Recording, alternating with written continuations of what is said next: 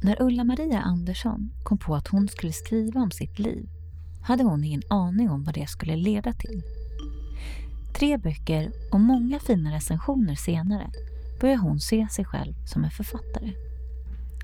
Hon har också fått möjligheten att nå in i många människors hjärtan. De tre böckerna Du skulle sagt som det var, Kära Hinseberg och Du sjöng mig hem behandlar alla olika delar av Ulla-Marias liv. En uppväxt som består av övergrepp och frånvarande föräldrar. Ett vuxenliv fyllt av missbruk och fängelsevistelser. Men också en tid av tillfrisknande och försoning. Ulla-Marias historia är stark på många sätt, men också hoppfull. Sista delen i serien baserat på hennes liv behandlar den smärtsamma relationen till hennes dotter. Den skam och skuld hon burit på för att inte kunnat vara den mamma hon velat har varit tung att bära, men därför också viktig att läka. Det är tre böcker om smärta, om att hamna fel, men också tre böcker om läkning. Det är många som drömmer om att skriva om sitt liv. Förutom föreläsningar och eget skrivande håller Ulla-Maria kurser i att skriva. Hon anser att det kan vara sunt med en viss distans och läkning för att kunna skapa något litterärt av det självbiografiska. Ulla-Maria kallar inte sina böcker för självbiografiska då det finns skönlitterära element som hon anser varit nödvändiga för att kunna gestalta på ett friare sätt. Skrivande är ett hantverk som kräver övning. Vad är till exempel skillnaden mellan att berätta och gestalta? Varför kan man inte berätta allt? Och hur gör man för att redigera en text?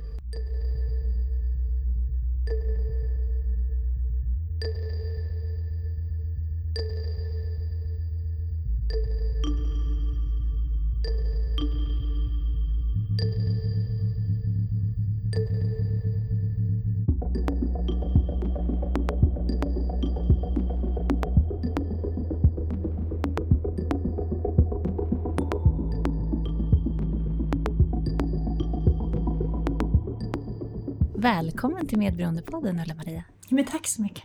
Kul att ha dig här. Hur mår du idag? Jag mår bra. Jag eh, känner mig ganska fri och ja, lycklig idag. Vad skönt. Kan du beskriva liksom, hur ser en vanlig dag ut i ditt liv idag? Ja, men det varierar ju ganska mycket. Jag föreläser ju nu för tiden. Jag har ju jobbat som alkohol och drogterapeut på ett behandlingshem för kvinnor i ja, nästan 17 år sammanlagt. Men de senaste åren så har det skiftat till att bli föreläsningar och skrivkurser och sen så skriver jag ju böcker. Så det kan variera väldigt mycket. Eh, jag får ju rätta mig efter de bokningar jag får som föreläsare. Och eh, tiden som eh, blir fri eller ledig, då skriver jag eller så återhämtar jag mig och tar det lugnt. Mm. Men har du liksom tydlig disciplin på, på till exempel ditt skrivande? Att du går upp på morgonen och sätter och gör det, eller hur, hur ser det där ut? Ja, när jag är inne i skrivperioder så är det ju så. Och eh, man behöver ju vara ganska så ordentligt disciplinerad för att eh, orka igenom en hel bok. Så då är jag verkligen det och då går jag in som i en bubbla nästan. Och Eh, då är det så att allt annat stör. Jag, jag pratade lite med dig innan här om att dels så vill vi prata lite grann om ditt liv och din resa och dina böcker men också så tänkte jag att vi kan prata lite om skrivande också mm. i det här avsnittet. De här tre böckerna som är fantastiska som du har släppt, hur kommer det sig att du ville skriva dem? Att du kom på att du skulle skriva dem? Ja, men jag har ju inte som de flesta författare pratar om drömt om att jag ska bli författare eller så. Utan jag eh, blev utbränd. Jag blev ganska så rejält sjuk när jag var runt 50. Och eh, jag kanske var 54. Och i återhämtningen, i rehabiliteringen utav den kraschen så började jag för första gången treva mig fram lite i skrivandet och hittade en skrivkurs på en folkhögskola. Så det var så det började för mig. Och det tog ganska lång tid innan jag äntligen kom dit. Att jag var beredd att gå in i den skrivprocessen som man behöver gå in i för att skriva en hel roman. Och då skrev jag först en roman. Så jag kom till en påbyggnadskurs på den här folkhögskolan med ett färdigt manus. Men min mentor och lärare lockade mig in i att gå djupare. Och då började jag skriva kapitel som var baserade på de minnesbilder jag har burit på hela mitt liv. Och då kom ju den här såriga historien upp om min barndom. Hade du en klar bild att det skulle bli fler böcker redan från början eller var det den här första boken som var din, din, det du såg framför dig så att säga? Nej, alltså det var... Egentligen så är det så, för jag har ju suttit på Hinseberg ganska mycket. Och jag har haft hela mitt liv en ganska så klar blick för det absurda i tillvaron. Jag har ju levt ganska isolerad på grund av det som jag var med om när jag var liten. Och då har det varit som att betrakta verkligheten utifrån.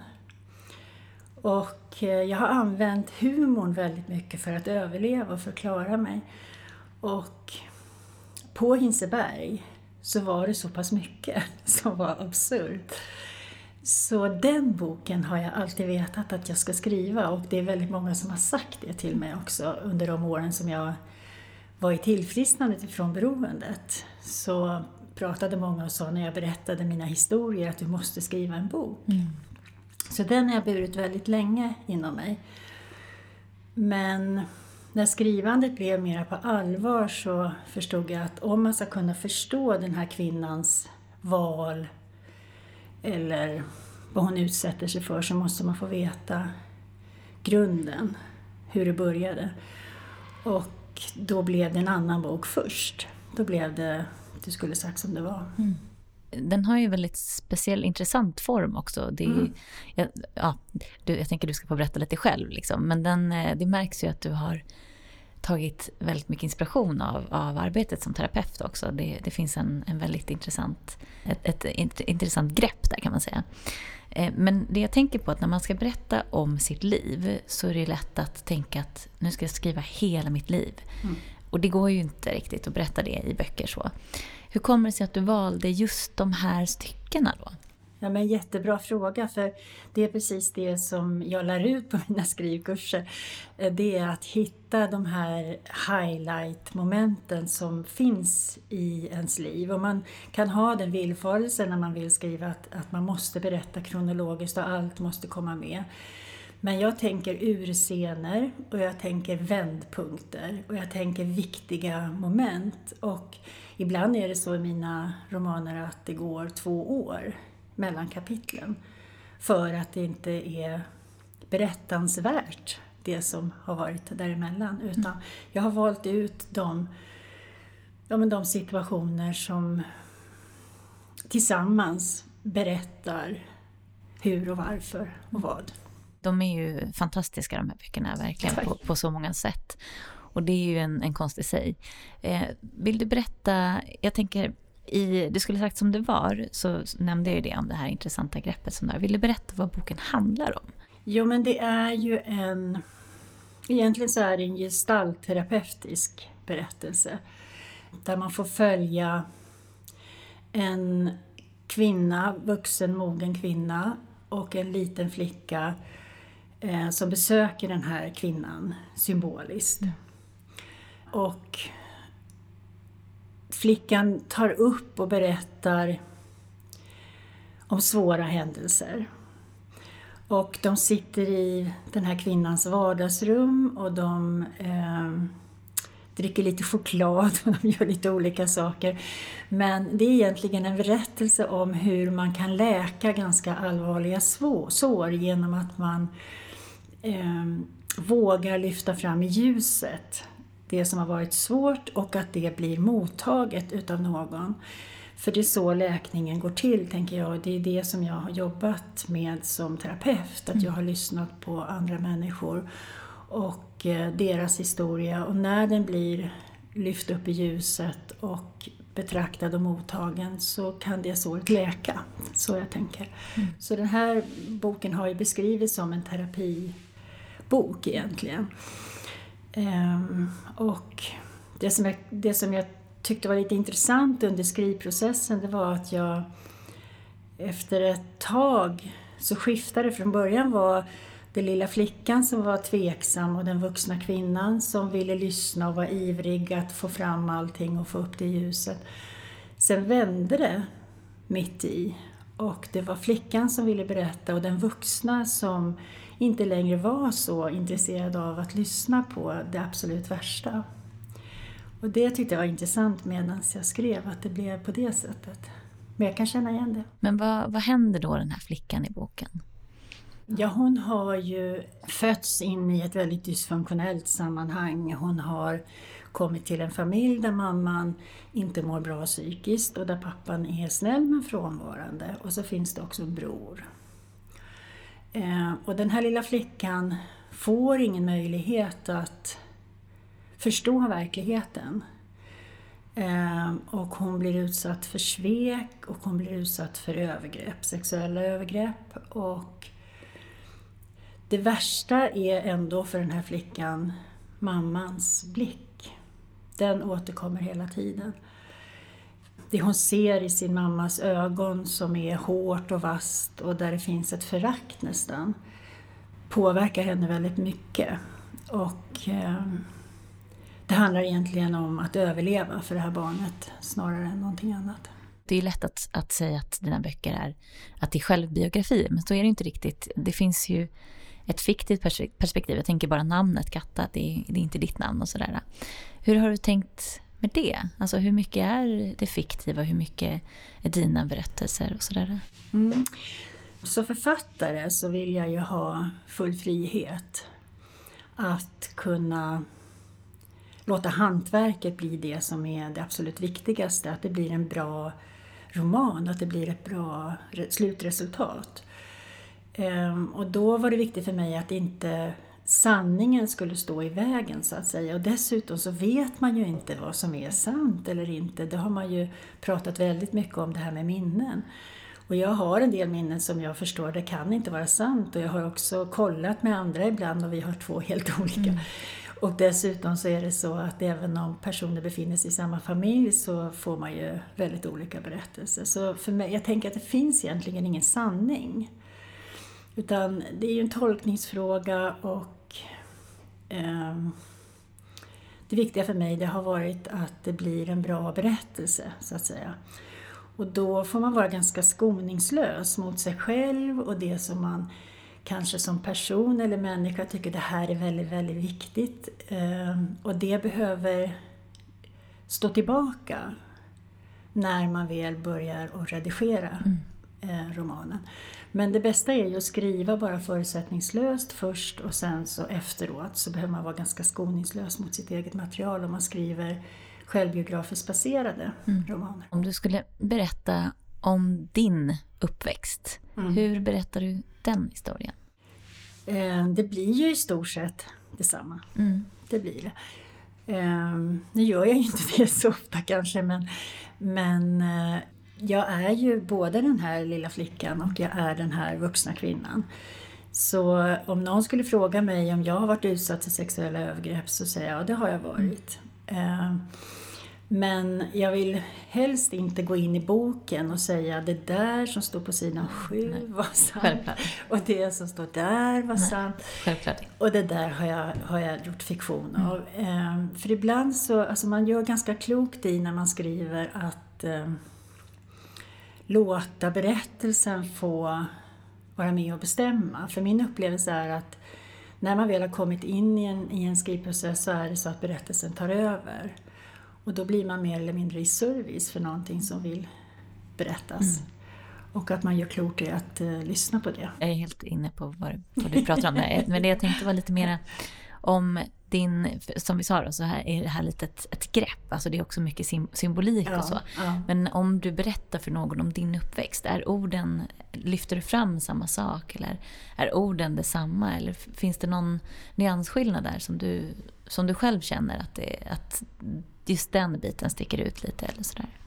Jag tror att jag, om, om någon pratar om mitt liv idag, det har ju gått så väldigt lång tid, jag är 62 år idag, så tror jag att jag sveper över mycket mera. Eh, boken är ju ganska detaljrik och, och är väldigt eh, naket och utlämnat skrivet egentligen. Och så pratar inte jag om mitt liv när någon frågar mig då. Vad tror du det beror på? Jag tror det beror på att jag har eh, kommit så pass långt ifrån det idag. Och det var ju också så ifrån början att det var inget terapeutiskt arbete för det tror inte jag blir särskilt bra litteratur utav om man, om man försöker bearbeta genom att skriva. Men eh, det beror säkert på att jag, jag, jag tänker på mig själv som någonting helt annat idag. Ja, för det finns ju också de som säger att när du skriver någonting som är liksom ditt liv så att säga så blir livet lite mer som det jag har skrivit. Och det tror jag menar att, att eh, precis som du sa med minnen och så att när jag börjar gestalta någonting i, i eh, en, en scen till exempel mm. så, så blir mitt liv lite mer den scenen än så som mina minnen kanske var från början. Är du med på vad jag menar? Mm, mm. mm. Känner du igen det på något sätt? nej, nej, det gör jag faktiskt inte. Nej. Utan, utan mm, de scenerna som jag har beskrivit, de flesta som är i boken, det är ju baserat på minnesbilder. Men ibland är det ju så att ett minne är bara som ett, ett foto. Mm. Ett snapshot så, liksom en, en, en um, bara en bild. Och det kan man ju inte bara skriva, det blir en rad på en, på en, i en bok. Så då får man ju bygga ut lite och lägga till lite som man, som man tänker sig att det ungefär kunde ha varit. Mm. Och det är därför också som det är så viktigt för mig att inte säga självbiografier så, för att, för att inte lura läsaren så att säga, att allting har hänt precis som det, som det står i boken. Men jag tycker inte att det har blivit något annorlunda eller att mitt, mitt min syn på mig själv eller mitt tänk kring min barndom ser likadan ut som mm. den gjorde innan böckerna. Om man då hoppar vidare till din nästa bok, mm. fanns det någon för, för det lät ju lite som att den nästan kanske var, att frö, första fröet mm. började kanske i den andra boken. Mm. Du fick ju fantastiska recension, jättefint bemötande för din första bok. Mm. Präglade det ditt skrivande någonting när du satte igång med din andra bok? Ja, mm. det gjorde det ju såklart. Och det var väldigt oväntat. Jag, jag var inte beredd på varken mottagandet eller recensioner eller Ehm, det beröm jag fick för språket och man pratade om litterär begåvning och det kändes liksom väldigt främmande för mig. Jag kunde inte riktigt förstå. Första samtalet som jag hade med min, med min förläggare Susanna Romanus så, så sa hon att du kan verkligen skriva. Eh, och jag trodde inte riktigt på vad hon sa. För jag har, jag har, jag har liksom jag hade jättesvårt att ta till mig det. Nu har jag väl ändå landat lite grann i det men det var, det var en överraskning för mig att få så fina recensioner, att boken, första boken blev mottagen så pass eh, bra som den blev. Så. Kära Hinsberg, då, vad, mm. vad handlar den boken om? Jo, men då, och det, då, det blir ju ett väldigt hopp, mm. hopp däremellan. Eh, för att jag, för, jag försökte ett tag eh, att lyfta in mer utav tonårstiden. Men jag kände att jag hade inte nog med eh, material för att det skulle kunna bära litterärt. Så att jag bestämde mig för att börja när den här lilla flickan då som är sju år, när den första boken är slut, har blivit 18 mm. och när hon kommer till Hinseberg första gången. Eh, jag hoppas att de som har följt mig och läst mina böcker kan förstå och se hur eh, det gick till att den där lilla flickan blev så pass kaxig som den här 18-åringen är, för det är en riktig tuffing. Hon, henne håller man inte på med. Henne sätter man sig inte på och hon har ju hittat någonting i tonåren eh, och det har jag försökt att lägga in som återblickar då för att man ska förstå. Men hon har hittat någonting att nu får det vara nog. Men jag har hon hållit på färdigt med. Och så bestämmer hon sig för att nu ska de få se vem de har skapat. Och så bara lever hon ut sin kraft och sin, sin de, destruktivitet. Eh, och samtidigt så finns det något väldigt skört och något väldigt sårbart eh, där bakom. Och det kommer fram i olika kapitel när hon bland annat virkar en duk till sin mamma eh, för att eh, ge den till henne. Så hon är ju kvar i eh, barndomen på det sättet och det är ganska vanligt mm. eh, inne på fängelserna att eh, eh, internerna gör pärlplattor och andra sådana saker för att ge till de som är där på utsidan. Mitt första besök när jag åkte tillbaka till fängelset efter att jag hade blivit drogfri och nykter, så när jag tittade mig runt i den församlingen som var där så tänkte att det här är ju bara en massa sjuåriga flickor som sitter här. Det måste vara verkligen spännande och fysiskt ta dig till en plats som du ändå kanske haft så mycket minnen. För det låter ju verkligen som det som ja. du pratade om tidigare, att det här är ja. historier som du har kunnat berätta och så. Mm. Stämde, stämde det överens med dina minnen, det som du mötte där? Jo, och det var ju nästan som eh, var ju nästan som att komma tillbaka hem. För Hinseberg blev som, som en fast punkt i min väldigt otrygga och destruktiva tillvaro. Och jag fick mat, jag fick sova, jag fick äta, eh, rena lakan, det var ordning och reda och så. Så att eh, det, som enda som, det enda som gjorde att inte minnena stämde det är att hönseriet, där jag har jobbat ganska mycket, är rivet idag. Eh, man har byggt en, en ny avdelning som inte fanns när jag var där och de där smågårdarna som fanns med de här fantastiska namnen, Lillgården, Dalgården, Sörgården, det låter ju som, som Bullerby mm. nästan. De är rivna idag, det tycker jag är lite tråkigt för det är ju ett stycke kulturhistoria ändå. Men slottet finns kvar och stallmästargården. Så att eh, mina minnen eh, stämmer väl överens. Det är som att jag har spelat in egentligen hela mitt liv. Jag tror att jag har behövt göra det för att verkligheten blev fråntagen mig när jag var liten utav eh, den här omständigheten, de här omständigheterna som jag pratade om med en psykisk ganska sjuk mamma då, så behövde jag liksom för mig själv klargöra som var, vad som var sant. Så att det är som att jag har spelat in hela mitt liv och det tror jag har haft väldigt stor hjälp av när jag har skrivit. Det finns ju de som inte har läst dina böcker då. Mm. Och vilket vi hoppas att de kommer göra efter ja. det här. Men eh, om man då tittar på din barndom. Eh, mm. Nu med, med facit i hand så, så kan ju du sätta liksom, epitetet psykiskt sjuk till exempel. Eller så. Mm. Eh, vilket som barn så, så är det ju väldigt svårt att orientera ja. sig i det. Då är det ju så här är min mamma. Så. Ja. Vad, på vilket sätt tedde sig det här äh, instabila beteendet och så? Ja, men hon, eh, hon kunde prata eh, rakt ut i luften och bete sig som om hon var ensam i rummet fast jag stod bredvid. Eh, hon kunde öppna dörren ibland till, eh, till mitt rum när jag var inne där och lekte och säga väldigt konstiga saker. Eh, hon kunde gå förbi som om jag inte fanns. Eh, och det var som att hon var i sin egen värld och att hon var ensam i lägenheten och då började jag tvivla på om jag fanns överhuvudtaget. Eh, så att jag, jag hittade ju sätt att klara mig och överleva då. Ett sätt som jag använde det var att sjunga och ett annat sätt det var att titta mig själv i spegeln.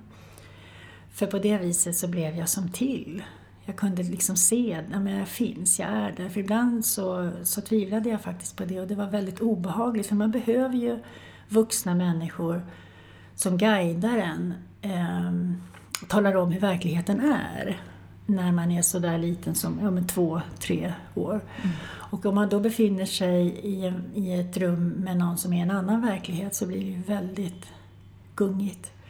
Så att jag ganska glad att jag är i det skicket som jag är idag för eh, jag har minnen utav att jag var på väg, att jag växte och blev väldigt stor och att jag fick tunnelseende och så. Så jag tror att jag var på väg in i psykos några gånger när jag var liten. Vad pratar vi för ålder då? Då pratar vi kanske mellan fem och sex, sju. Så att jag hittade system liksom för att stanna i den här verkligheten. Jag hade ett täcke och i det täcket så fanns det rosor och de rosorna på vissa ställen eh, bildade eh, ansikten och andra former. Och det där kollade jag varje gång jag la mig att de såg likadana ut. Mm. För på det viset så blev jag lite tryggare. Och så tyckte jag väldigt mycket om sångerna för de var ett system, de, de, det var vers och så var upprepade sig och så kom refrängen. Mm. Och de var också pålitliga för de var likadana varje gång mm. man lyssnade på dem och det var inte mamma. Det är intressant det där med hur, hur förhöll du dig till jag kan känna igen det, jag är uppvuxen med mamma som alkoholist och psykiskt sjuk. Mm. Eh, och jag kan känna igen det där lite alltså nästan en slags besatthet av sånt som är återupprepning. För mig var ju traditioner till exempel Ja. en sak som jag tyckte var jätteskönt. Ja. För att då visste jag så här går det till Mm. när det är den här dagen. Och så. Känner du igen det? Det något Ja. du- Mm. Det gör jag och det enda traditionen som jag vet att vi hade som var likadan det var ju julen. Mm. Så den, den, det, det är liksom skimrande Mm. minnen som jag har och utav den här adventskalendern för den var uppsatt i fönstret och den där eh, adventsstjärnan Mm. med det varma skenet. Och så det känner jag verkligen igen i det. Gör. Finns det, eller fanns det kring dig, fanns det några andra vuxna som, som du kunde ty dig till eller så? Ja, min pappa fanns ju ändå. Han eh, gjorde ju så gott han kunde utifrån de förutsättningar som fanns, men han jobbade ju. Så han var ju borta hela dagarna, men jag stod och väntade på honom när han kom hem. Jag kunde stå på gatan när han kom cyklande eller åkande med bilen där. Så han var ju min hjälte på många sätt. Och jag tror att jag har eh, klarat mig till viss del för att han fanns där och för att han eh, såg till att det blev bra semestrar. För jag har väldigt fina minnen ifrån landet och blåbärsskogen och ja, men jordgubbar och mjölk och vi hämtade vatten och så. Så att det, det är de minnena som jag har som är verkligen som är ljusa. Så att, men sen är det ju så där också att om det finns något som man upplever som väldigt mörk så blir det ju oftast en, en väldigt svartvit eh, bild. Alltså han blev väl idealiserad egentligen utav mig och hon demoniserad. Ditt missbruk då, när, när kom du i kontakt, det brukar ofta börja med, med alkohol. Eh, Jag vet inte om det var så för dig då, men när kom du i kontakt med, med alkohol och droger första gången? Ja, för mig var det ju inlä- inlärt ifrån början för att jag hade ju sett min mamma ifrån att jag var liten eh, gå till skåpet och ta tabletter när det var någonting som hände som inte var behagligt eller när hon blev upprörd eller någonting sånt så såg jag att hon tog tabletter. Så det hade jag ju lärt mig att är det så att man mår på något sätt som man inte vill må så kan man förändra det. Så, så fort jag eh, nådde upp till det där skåpet så tog jag tabletter utav henne. Det var det första jag gjorde. Ehm, och jag tog lite av varje. Jag vet, jag har kollat upp idag för jag, jag vet vad en medicin hette och det var någon hjärtmedicin av något slag. Så, så jag blandade ju hej vilt. Ehm, men det var tabletter och sen var det mellanöl då. Det var ju det första då förstås. Och första gången som jag upplevde sinnesförändringen som blev så var jag ju fast. För att jag mådde i grunden så väldigt dåligt. Jag hade ju sån ångest fast jag inte visste att det hette det. Vad var det du upplevde när du, det här som du säger, alltså att, du, att den här ångesten försvann? Alltså, vad, på vilket sätt kan du beskriva den känslan lite mer? Ja, men jag blev lugn. Det var som att få en varm filt på insidan där det annars var geggigt och grått och obehagligt. Eh, tror jag kom i kontakt med mig själv. Det tror jag kom, kom, kom i kontakt med världen på ett sätt. Jag tror att det blev kopplingar i hjärnan som nästan som synapser som är frånkopplade som plötsligt kopplades ihop. Eh, och jag kände, kände väl en, en eh, en behaglig eh, upplevelse utav livet. Och jag tror att om jag skulle kunna formulera det då så skulle jag nog ha tänkt att jaha, det är så här det ska vara egentligen. Hur gammal var du då? Jag var 11 tror jag. Som sagt, det här tonårspartiet har vi hoppat över lite grann, Mm, eller du har mm, hoppat över det på mm. böckerna. Vad, hur såg ditt liv ut? Alltså vilka umgicks du med och, och sådär? Ja, men jag var ju tillsammans med ett ganska stort gäng killar i en eh, lekpark. Det var jag och så en tjej till. Och vi åkte in till stan, de slogs och vi drack. Jag köpte ut starköl åt min bror som var tre år äldre än mig på, på en krog för jag såg så pass mycket äldre ut. Ehm, och det var väldigt vilt och väldigt destruktivt och väldigt ja, men galet egentligen. Och jag eh, tog LSD i skolan, eh, hade hallucinationer på kemilektionerna, gick därifrån. Jag eh, var ute och drack och eh, tappade kläderna och pappa kom och hämtade mig. Och det märkliga i det här är det att det var ingen som satte stopp, att det var ingen som satte en gräns åt mig. Och det där har jag tänkt väldigt mycket på, vad, vad, vad, skulle, vad som skulle kunna hänt om någon hade orkat och velat säga stopp. och visa mig att jag var tillräckligt viktig för att eh, man skulle orka bry sig eller orka ta det motståndet som jag antagligen skulle ha bjudit.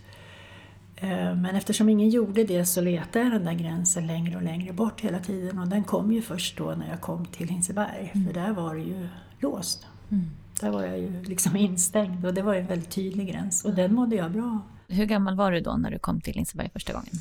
Eh, då var jag 18 år. Ja, då var jag 18 år. Men då tänker jag en sån här eh, bild då, så som barn och så pratar man om fängelse och sådär, då finns det en ganska dramatisk mm. bild.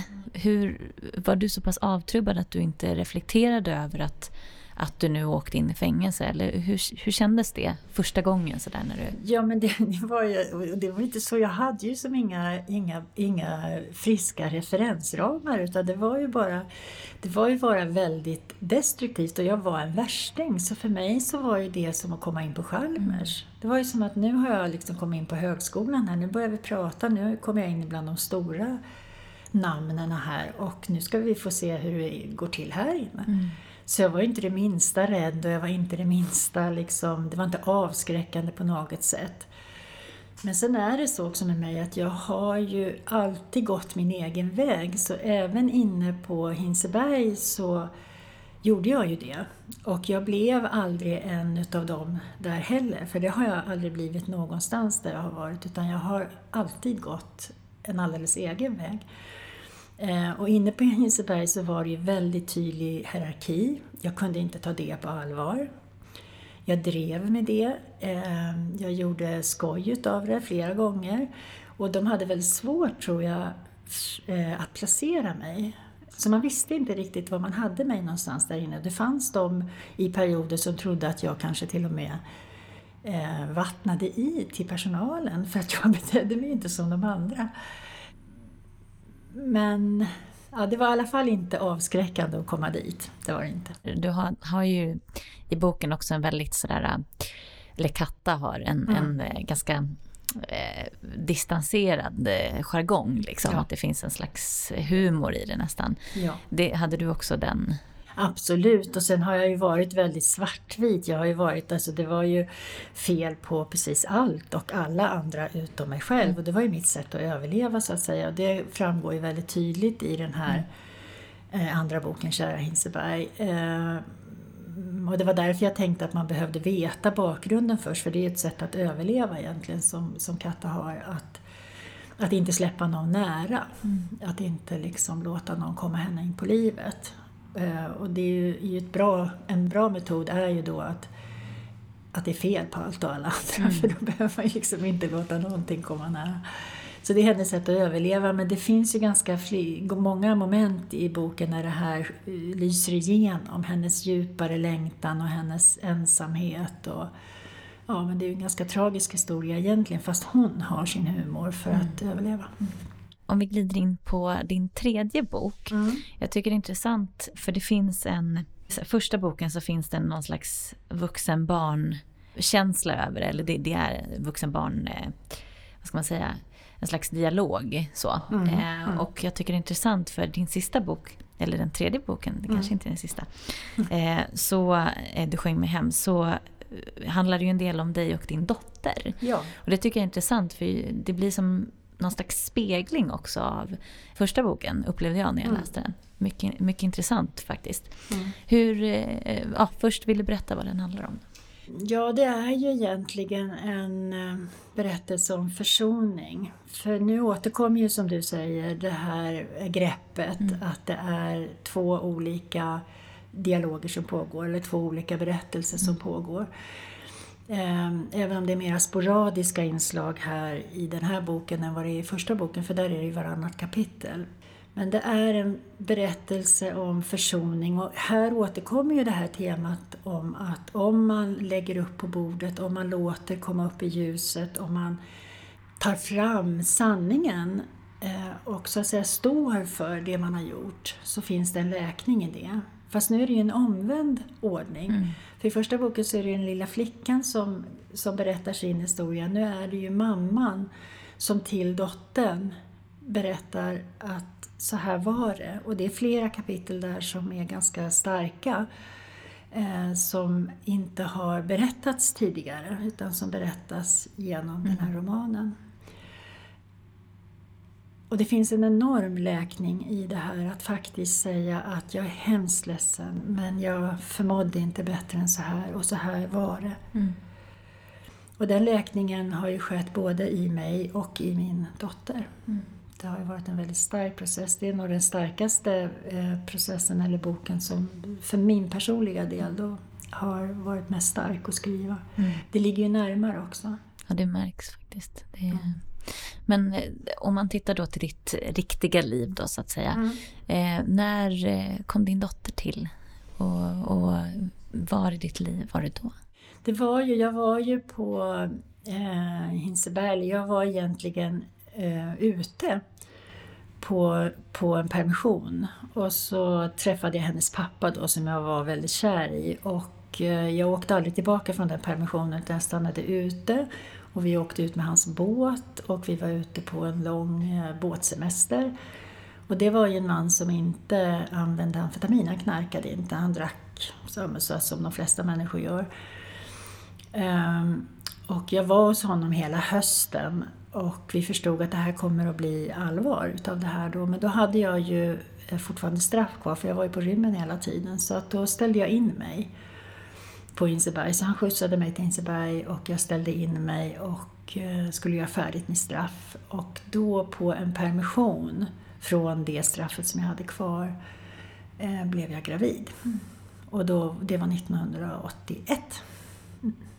Vad hände med dig då? Liksom? Den, att, att plötsligt så finns det ett barn med i bilden.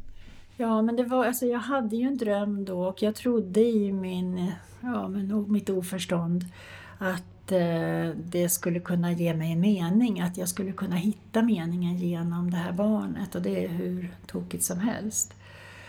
Eh, men bättre än så förstod inte jag och eh, jag var ju väldigt glad. Så då var det ju inget knark och det var ingen alkohol. Det var ju på den tiden, på 80-talet, så var det ju ändå så att man drack vin och så på helger. Och det, var inte, det var inte som det är idag, så pass upplyst som det är idag. Och jag visste ju heller inte att jag inte kunde dricka alkohol på den tiden. Så jag var väldigt lycklig i början och jag var väldigt eh, förhoppningsfull att det skulle kunna bli bra. Men, och det hade det kanske kunnat blivit också men eh, relationen med honom blev inte särskilt bra. Så hade det, hade det varit någon annan jag hade valt att få barn med som hade kunnat stötta mig på, på ett bra sätt och så, så kanske det hade kunnat blivit annorlunda. Men troligtvis inte eftersom jag hade sån ångest i grunden i mig själv. Så jag klarade ju som inte av att vara utan någon form av medicin. Så när din dotter då kom till livet så var du plötsligt mamma och eh, var i den här situationen då. Mm. Eh, hur, hur gick det för din dotter? Hur fortsatte det här? Ja, eh, det tog inte särskilt lång tid innan jag återföll i amfetaminet också. Eh, och hon fosterhemsplacerades. Så hon gjorde det utav mig så att jag hade ju vårdnaden om henne men eh, även om jag försökte i många år hitta tillbaka och ta hem henne så lyckades jag inte förrän hon var ganska gammal.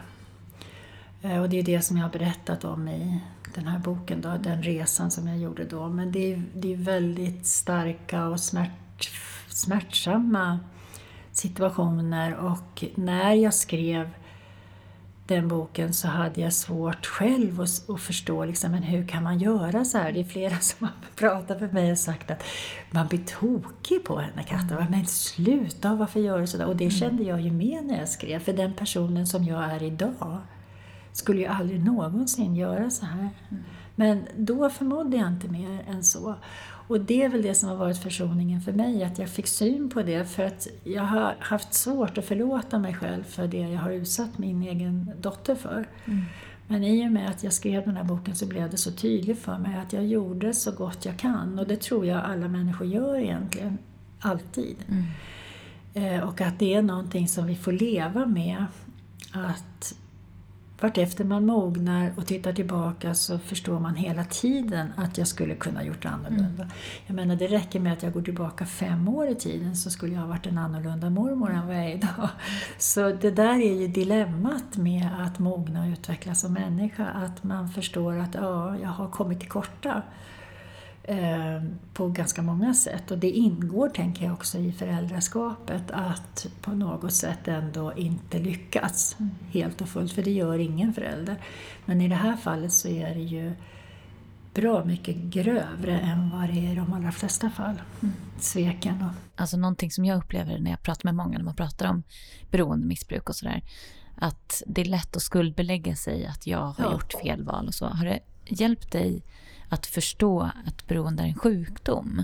Ja, det har jag ju som vetat väldigt länge och, men trots att jag visste det så var det någonting med det här med min dotter som satt så djupt. Va? Att jag faktiskt hade svikit henne. Att, att det krävdes en sista handling och det var att faktiskt sätta sig ner och skriva precis allting som det har varit för att jag ska kunna ta till mig det hela vägen in. Mm.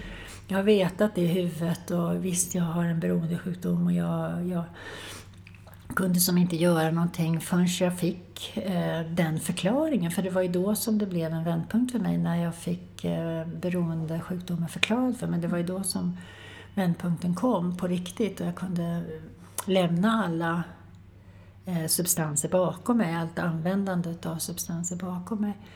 Så innan jag fick den informationen så var det ju väldigt svårt, men tror jag levt med den där skulden så djupt i mig själv under hela tiden som jag har missbrukat. Det har satt sig så väldigt långt in att eh, det var svårt att komma åt det ända in i roten.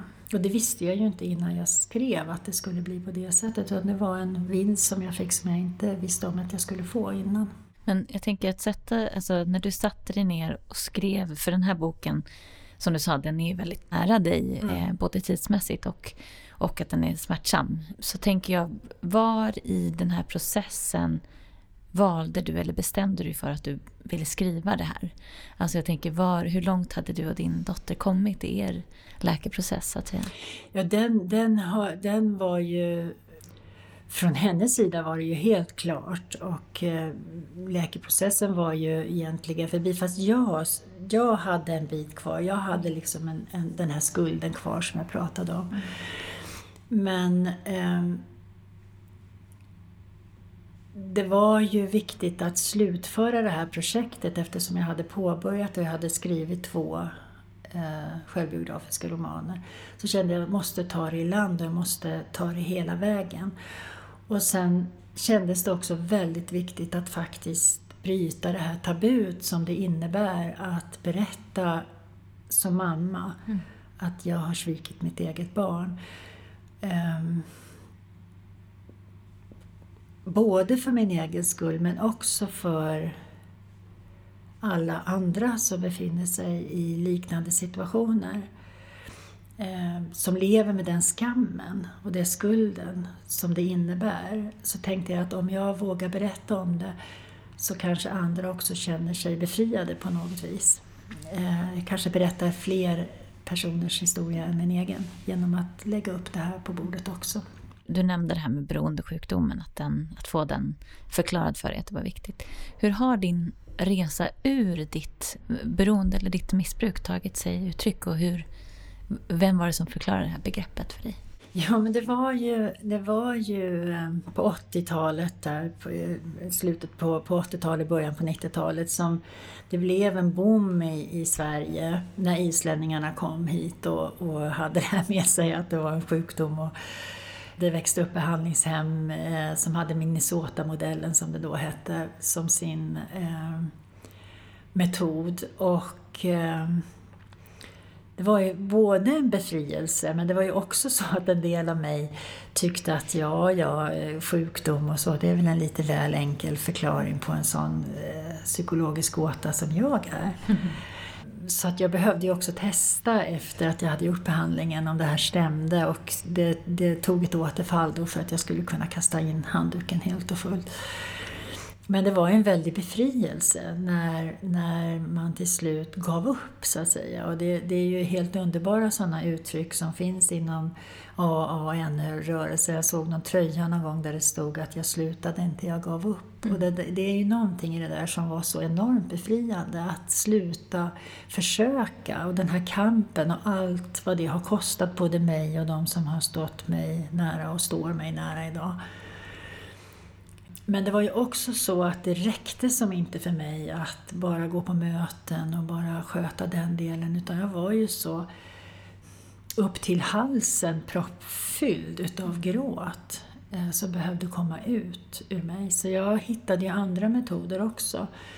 Eh, och jag gjorde bland annat frigörande andning då eh, tillsammans med en andningspedagog och det var ju väldigt Eh, skönt att få ur sig all den här gråten för jag hade liksom ingen väg in till mina egna känslor bara i ett möte med en människa utan jag behövde hitta någon metod som gjorde att jag fick bort det här locket så att jag kunde få ur mig all den här gråten. Och, eh, det var fantastiska stunder att eh, ligga i hennes knä och gråta och bli hållen. Och jag vet vid ett tillfälle när jag tittade upp och tittade in i hennes ögon eh, så kände jag för första gången, jaha, det är det här. Det är det här livet handlar om. För jag tänker ju så, jag tänker att vi alla egentligen har som en eh, blomma i oss. Men den där blomman kan ju vara gömd bakom en mur eller en glasvägg eller någonting sånt. Och så länge den blomman är gömd eller så länge man inte har kontakt med den själv så är livet ganska meningslöst. Så där och då i mötet med henne så hittade jag meningen med livet. Mm. Och efter det så har det varit en resa då till att försöka att låta det här växa och bli större så att jag 100% är närvarande i livet. Men har den här, eh, alltså att din försoning med din dotter, det varit en viktig del av ditt tillfrisknande? Så att Självklart. Mm. Självklart, det var ju, det var ju eh, först så var det ju en eh, rädsla i mig och eh, en skuld.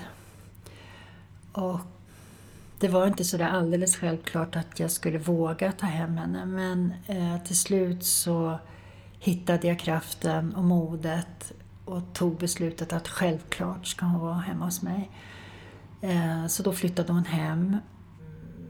Det vart ju lite märkligt eftersom hon egentligen, hon var ju 13 år, så hon skulle egentligen frigöra sig då.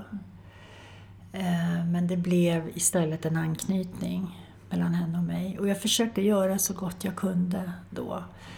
Eh, skulle jag få göra om det så skulle jag göra annorlunda mm. nu. För att jag jobbade ganska mycket.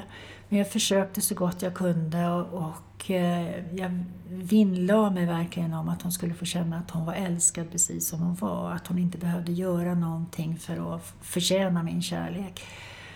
Men eh, jag kunde nog inte riktigt ändå ta, ta henne till mig så att vi blev riktigt nära. Mm. Och det var nog lite sent också eftersom hon var 13 då. Utan det har kommit lite senare i livet. När hon blev vuxen och när hon blev mamma eh, så har vi gjort en hel del utav läkningen då. Eh, men eh, den relationen som vi har idag, den är jag väldigt stolt över. Men mycket av det beror också på vem hon är mm och vad hon har gjort för val. För hon skulle kunna ha gjort andra val.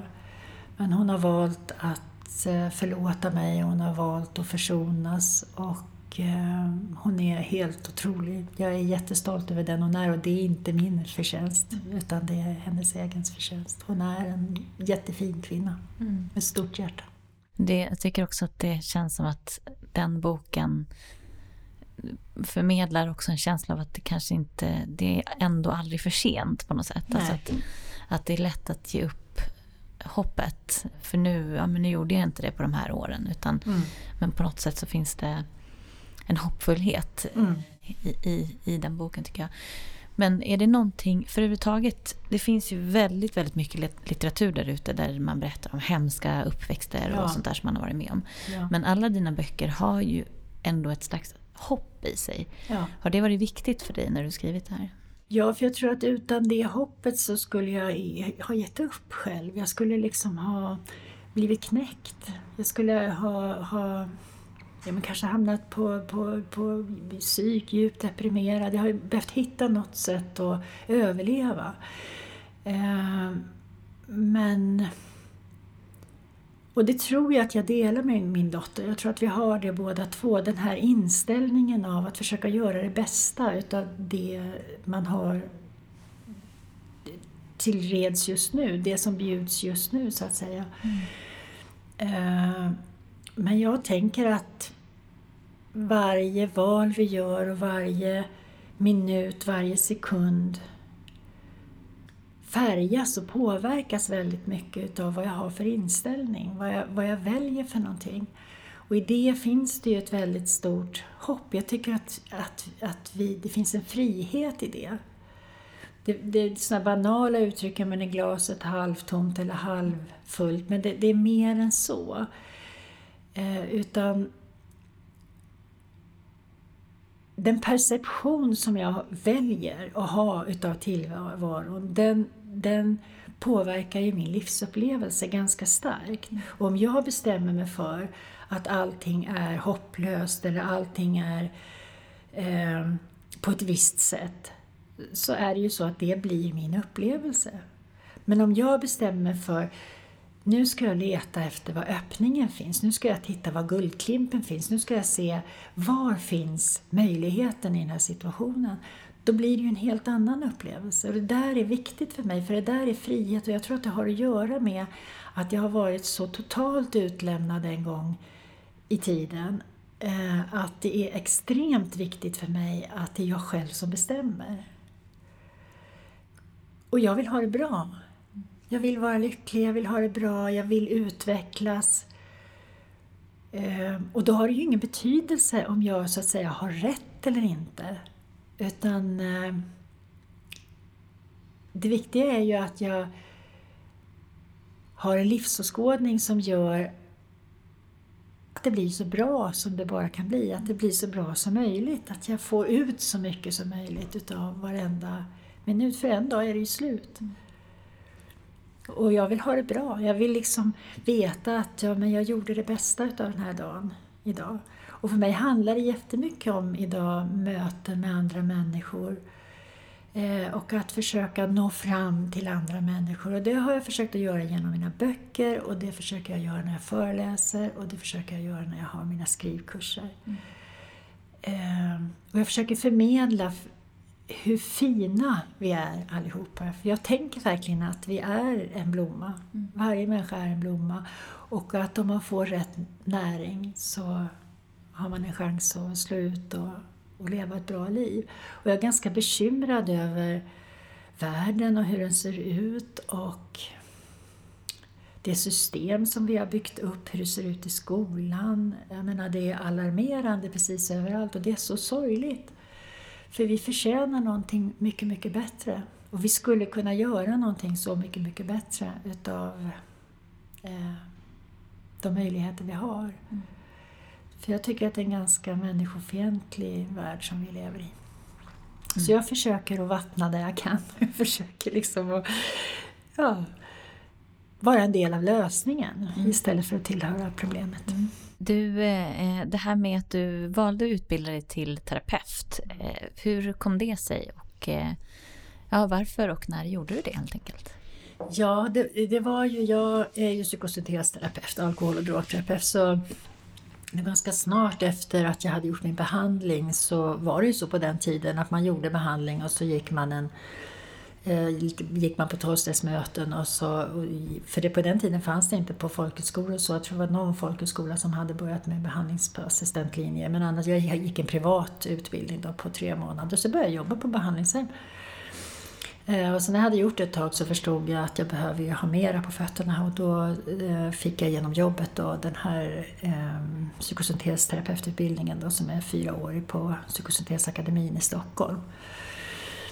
Eh, och den är ju baserad väldigt mycket på att man eh, i de första åren går igenom sin egen historia och gör sin egen process så att man får gå mycket i egen terapi och så. För det är ju det bästa man kan ha med sig om man ska försöka att guida andra människor. Att man är, att man är hyfsat bearbetad själv då, att man inte sitter med en massa eh, som man projicerar ut eller så, utan att man har lite eh, på fötterna tänker jag. Eh, så då gick jag den utbildningen och det tog ju några år då men efter nio år på det här behandlingshemmet då så kraschade jag som sagt och blev eh, utbränd.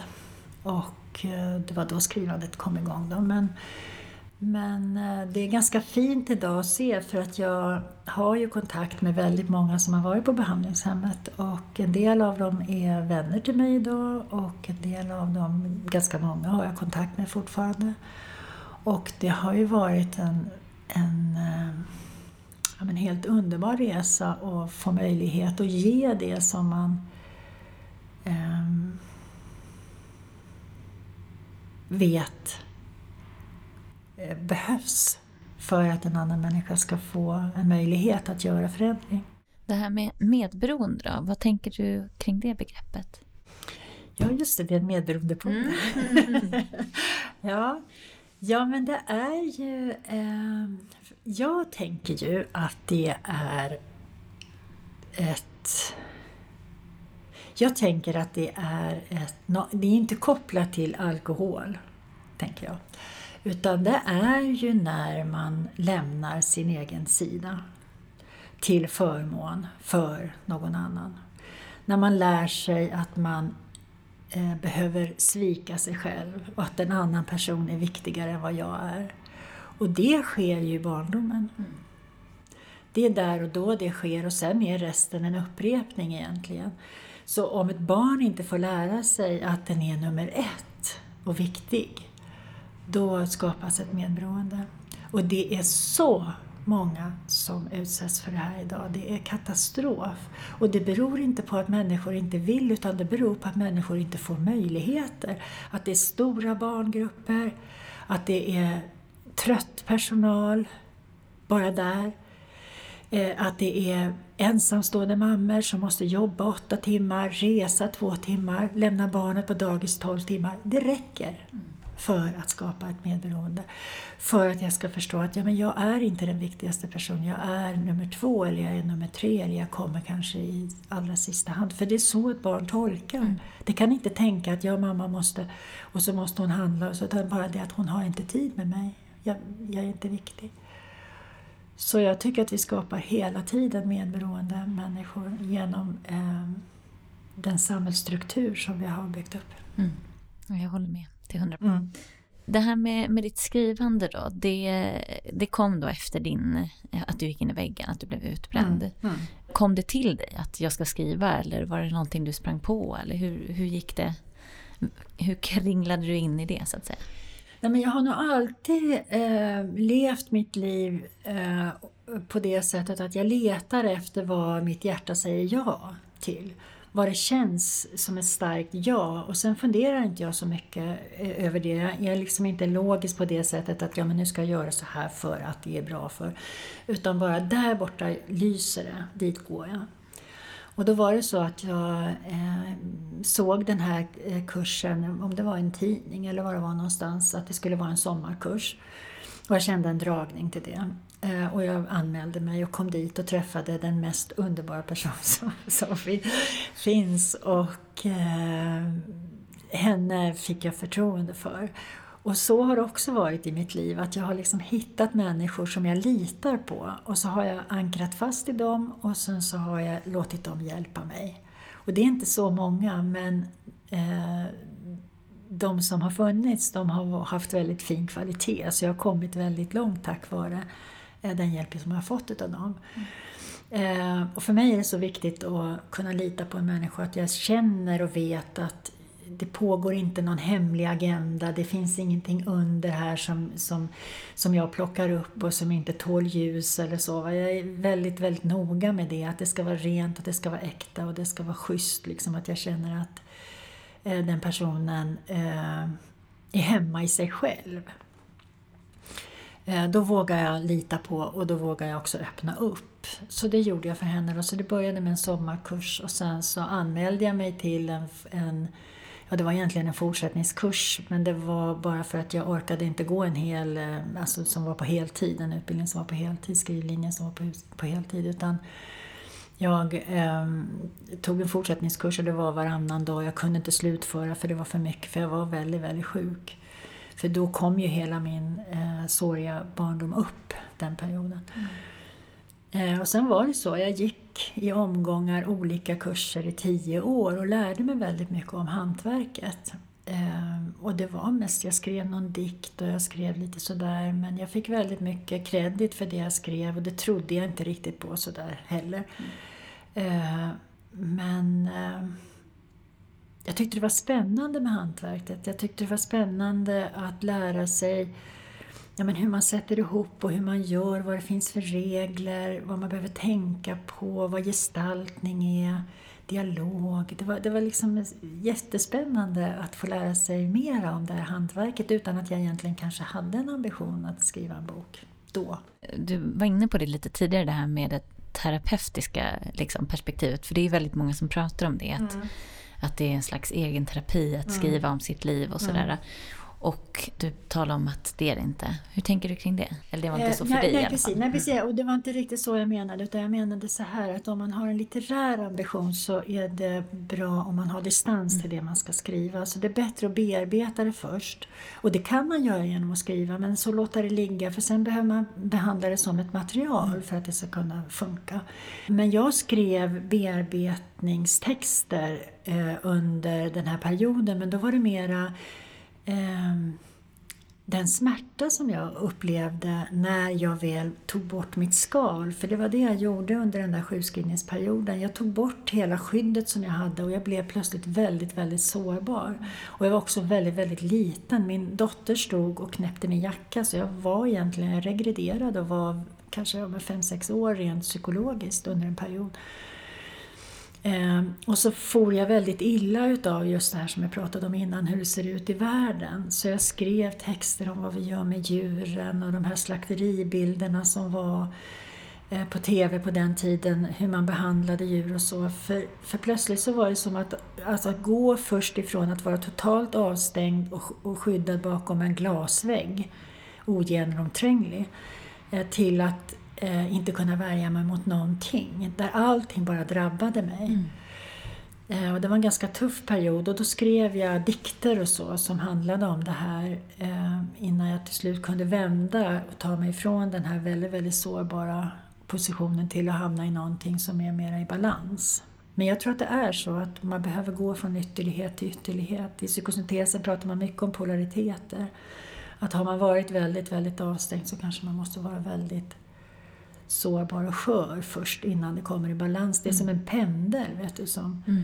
som svänger så här. Har den varit väldigt långt ut på ena sidan så måste den få svänga till andra sidan innan det kan bli balans.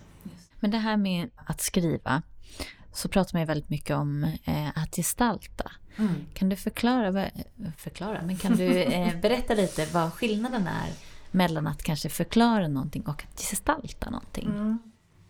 Ja, men förklarande text, då, då berättar man ju hur saker och ting är. Eh, när man gestaltar så låter man istället läsaren få komma in på scenen och själv få uppleva det som händer genom att berätta vad som händer. Man, man, eh, man berättar hur det ser ut i rummet, man berättar vad det luktar, eh, hur det känns. Och så låter man en person komma in i rummet. Och så får man som läsare då får man uppleva den här scenen eller den här situationen ifrån den personens ögon. Eller ifrån den personen. Och det går ju att berätta någonting också, men det är en annan teknik så att säga. Jag har använt mig väldigt eh, uteslutande egentligen utav gestaltning. Men eh, det kan ju bli väldigt bra texter också om man berättar någonting, bara man låt, vet hur man ska göra det. Att mm. man liksom låter det vara en berättande text. Men att förklara saker, det, det får läsaren att hamna upp i huvudet istället för i läsupplevelsen. Mm. Jag vet inte om det blev jag något tycker det helt tydligt. Klockrent. Ja. Det jag tänker eh, lite grann då, om det är någon som är sugen på att, att skriva om sitt liv. Mm. Har du några, liksom, sådär, några tips, några råd på vad man ska tänka eller vad man kan göra? Sådär? Ja, men eh, om man inte har skrivit förut så är det ju en ganska bra idé att faktiskt eh, gå någon kurs. Antingen på folkhögskola eller någon skrivkurs eller, eller eh, det finns ju både på nätet och eh Eh, i andra sammanhang. Men man behöver ju ändå kunna grunderna. Och det kan ju hända att man gör det, att man har skrivit. Det finns ju människor som har skrivit hela sitt liv så att säga. Men om man inte har gjort det utan ska börja, då är det bra att veta vad perspektiv är, vad det, vilket perspektiv man ska välja och varför man väljer det och vad det gör för någonting för texten. Eh, vilket tempus man ska använda, fördelar och nackdelar med det. Eh, att man, kan, att man kan hålla tempuset hela texten ut, för väldigt många svajar i tempuset och byter tempus mitt i en text. Och man behöver lära sig vad redigering är. När jag har mina skrivkurser så är det ganska mycket eh, fokus på det när vi jobbar igenom eh, deltagarnas texter.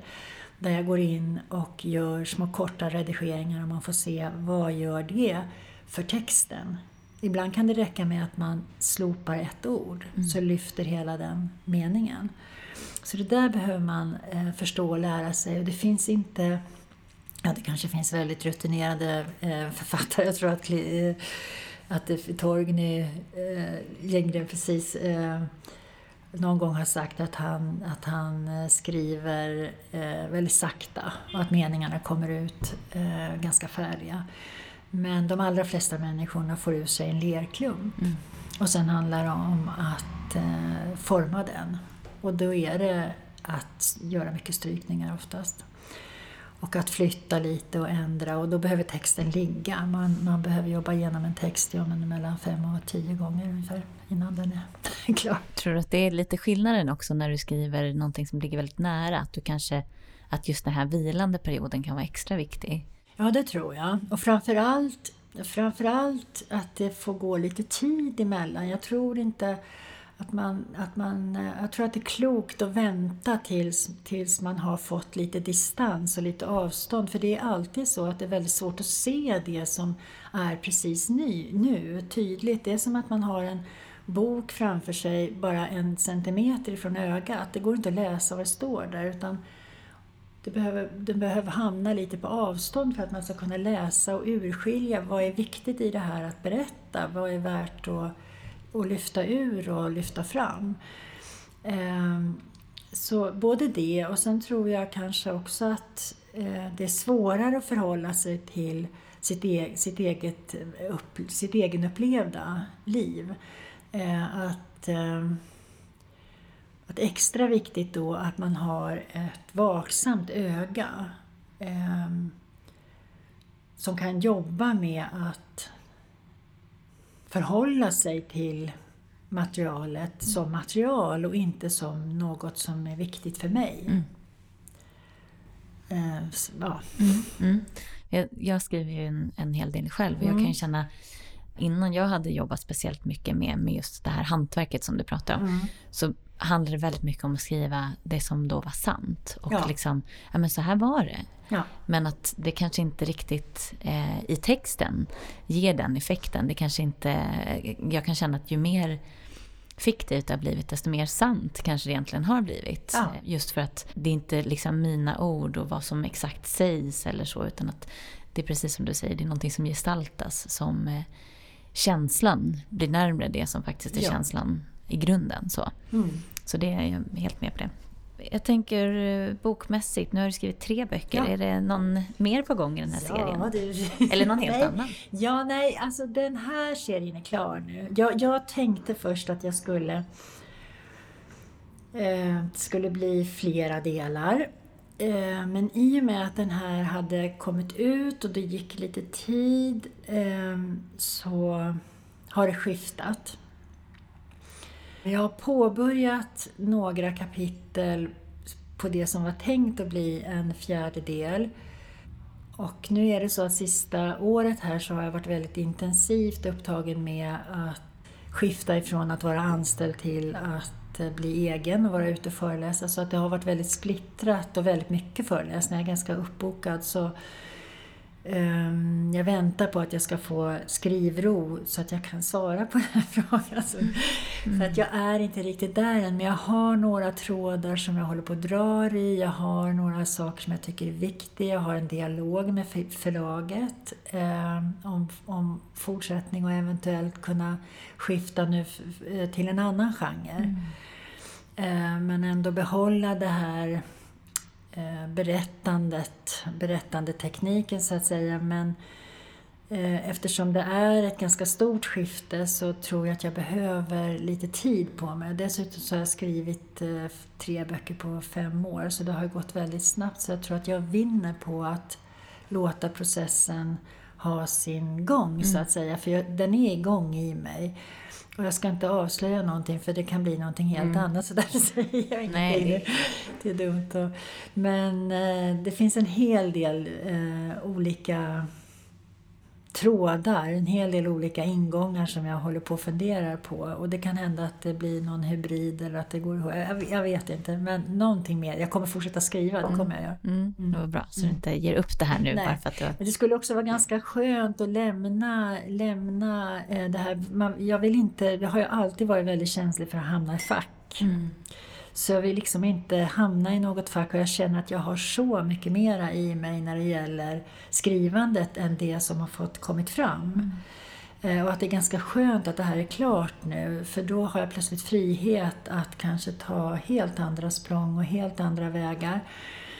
Och jag hoppas och tror att jag kommer att kunna förvåna lite grann. Jag tror det i alla fall. Hoppas det.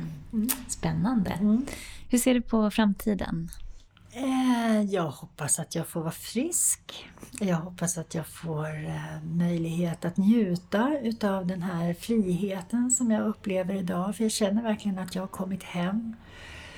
Eh, jag hoppas att jag får fortsätta skriva. Jag hoppas att jag blir fortsatt anlitad som författare och föreläsare. Och i de här skrivkurserna, det är faktiskt väldigt eh, roligt med skrivkurserna för de blir fullbokade bara på några dagar när jag lägger ut på nätet. Så det, det är ju det nya, för jag tycker ju om att vara i grupp. Men det är väldigt, väldigt skönt att slippa ha det här eh, stora ansvaret som det innebär att, att finnas där för en människa i process under en, en längre tid. Eh, och jag tycker det är jätteskönt att komma in som skrivkursledare två dagar och sen så är det klart. Eh, och att komma upp på en scen och föreläsa en stund och försöka beröra och nå fram och inspirera och sen är det klart. Och sen får jag åka hem. Så jag hoppas att eh, det fortsätter så här som det gör, som det nu har börjat att göra. Att, eh, att jag får möjlighet på olika sätt att eh, vara i mötet med andra människor. Jag tror vi låter det bli sista ordet. Tusen, tusen tack Ulla-Maria för att du har varit med och eh, berättat så fint i Medberoendepodden. Tack så mycket. Tack! Ulla-Marias fantastiska böcker Du skulle sagt som det var, Kära Hinseberg och Du sjöng mig hem finns att köpa via de flesta bokhandlar. På Ulla-Marias hemsida kan du läsa mer både om böckerna, hennes föreläsningar och skrivkurser www.ulla-maria.se är adressen. Alltså www.ullamaria.se. Vill du veta mer om medberoende och var du kan vända dig så kan du gå in på vår hemsida. www.medberoendepodden.se är adressen dit. Du får hemskt gärna gå in och betygsätta oss via iTunes vilket gör det lättare för andra att hitta till Medberoendepodden. I sociala medier heter vi Medberoendepodden. Följ oss där.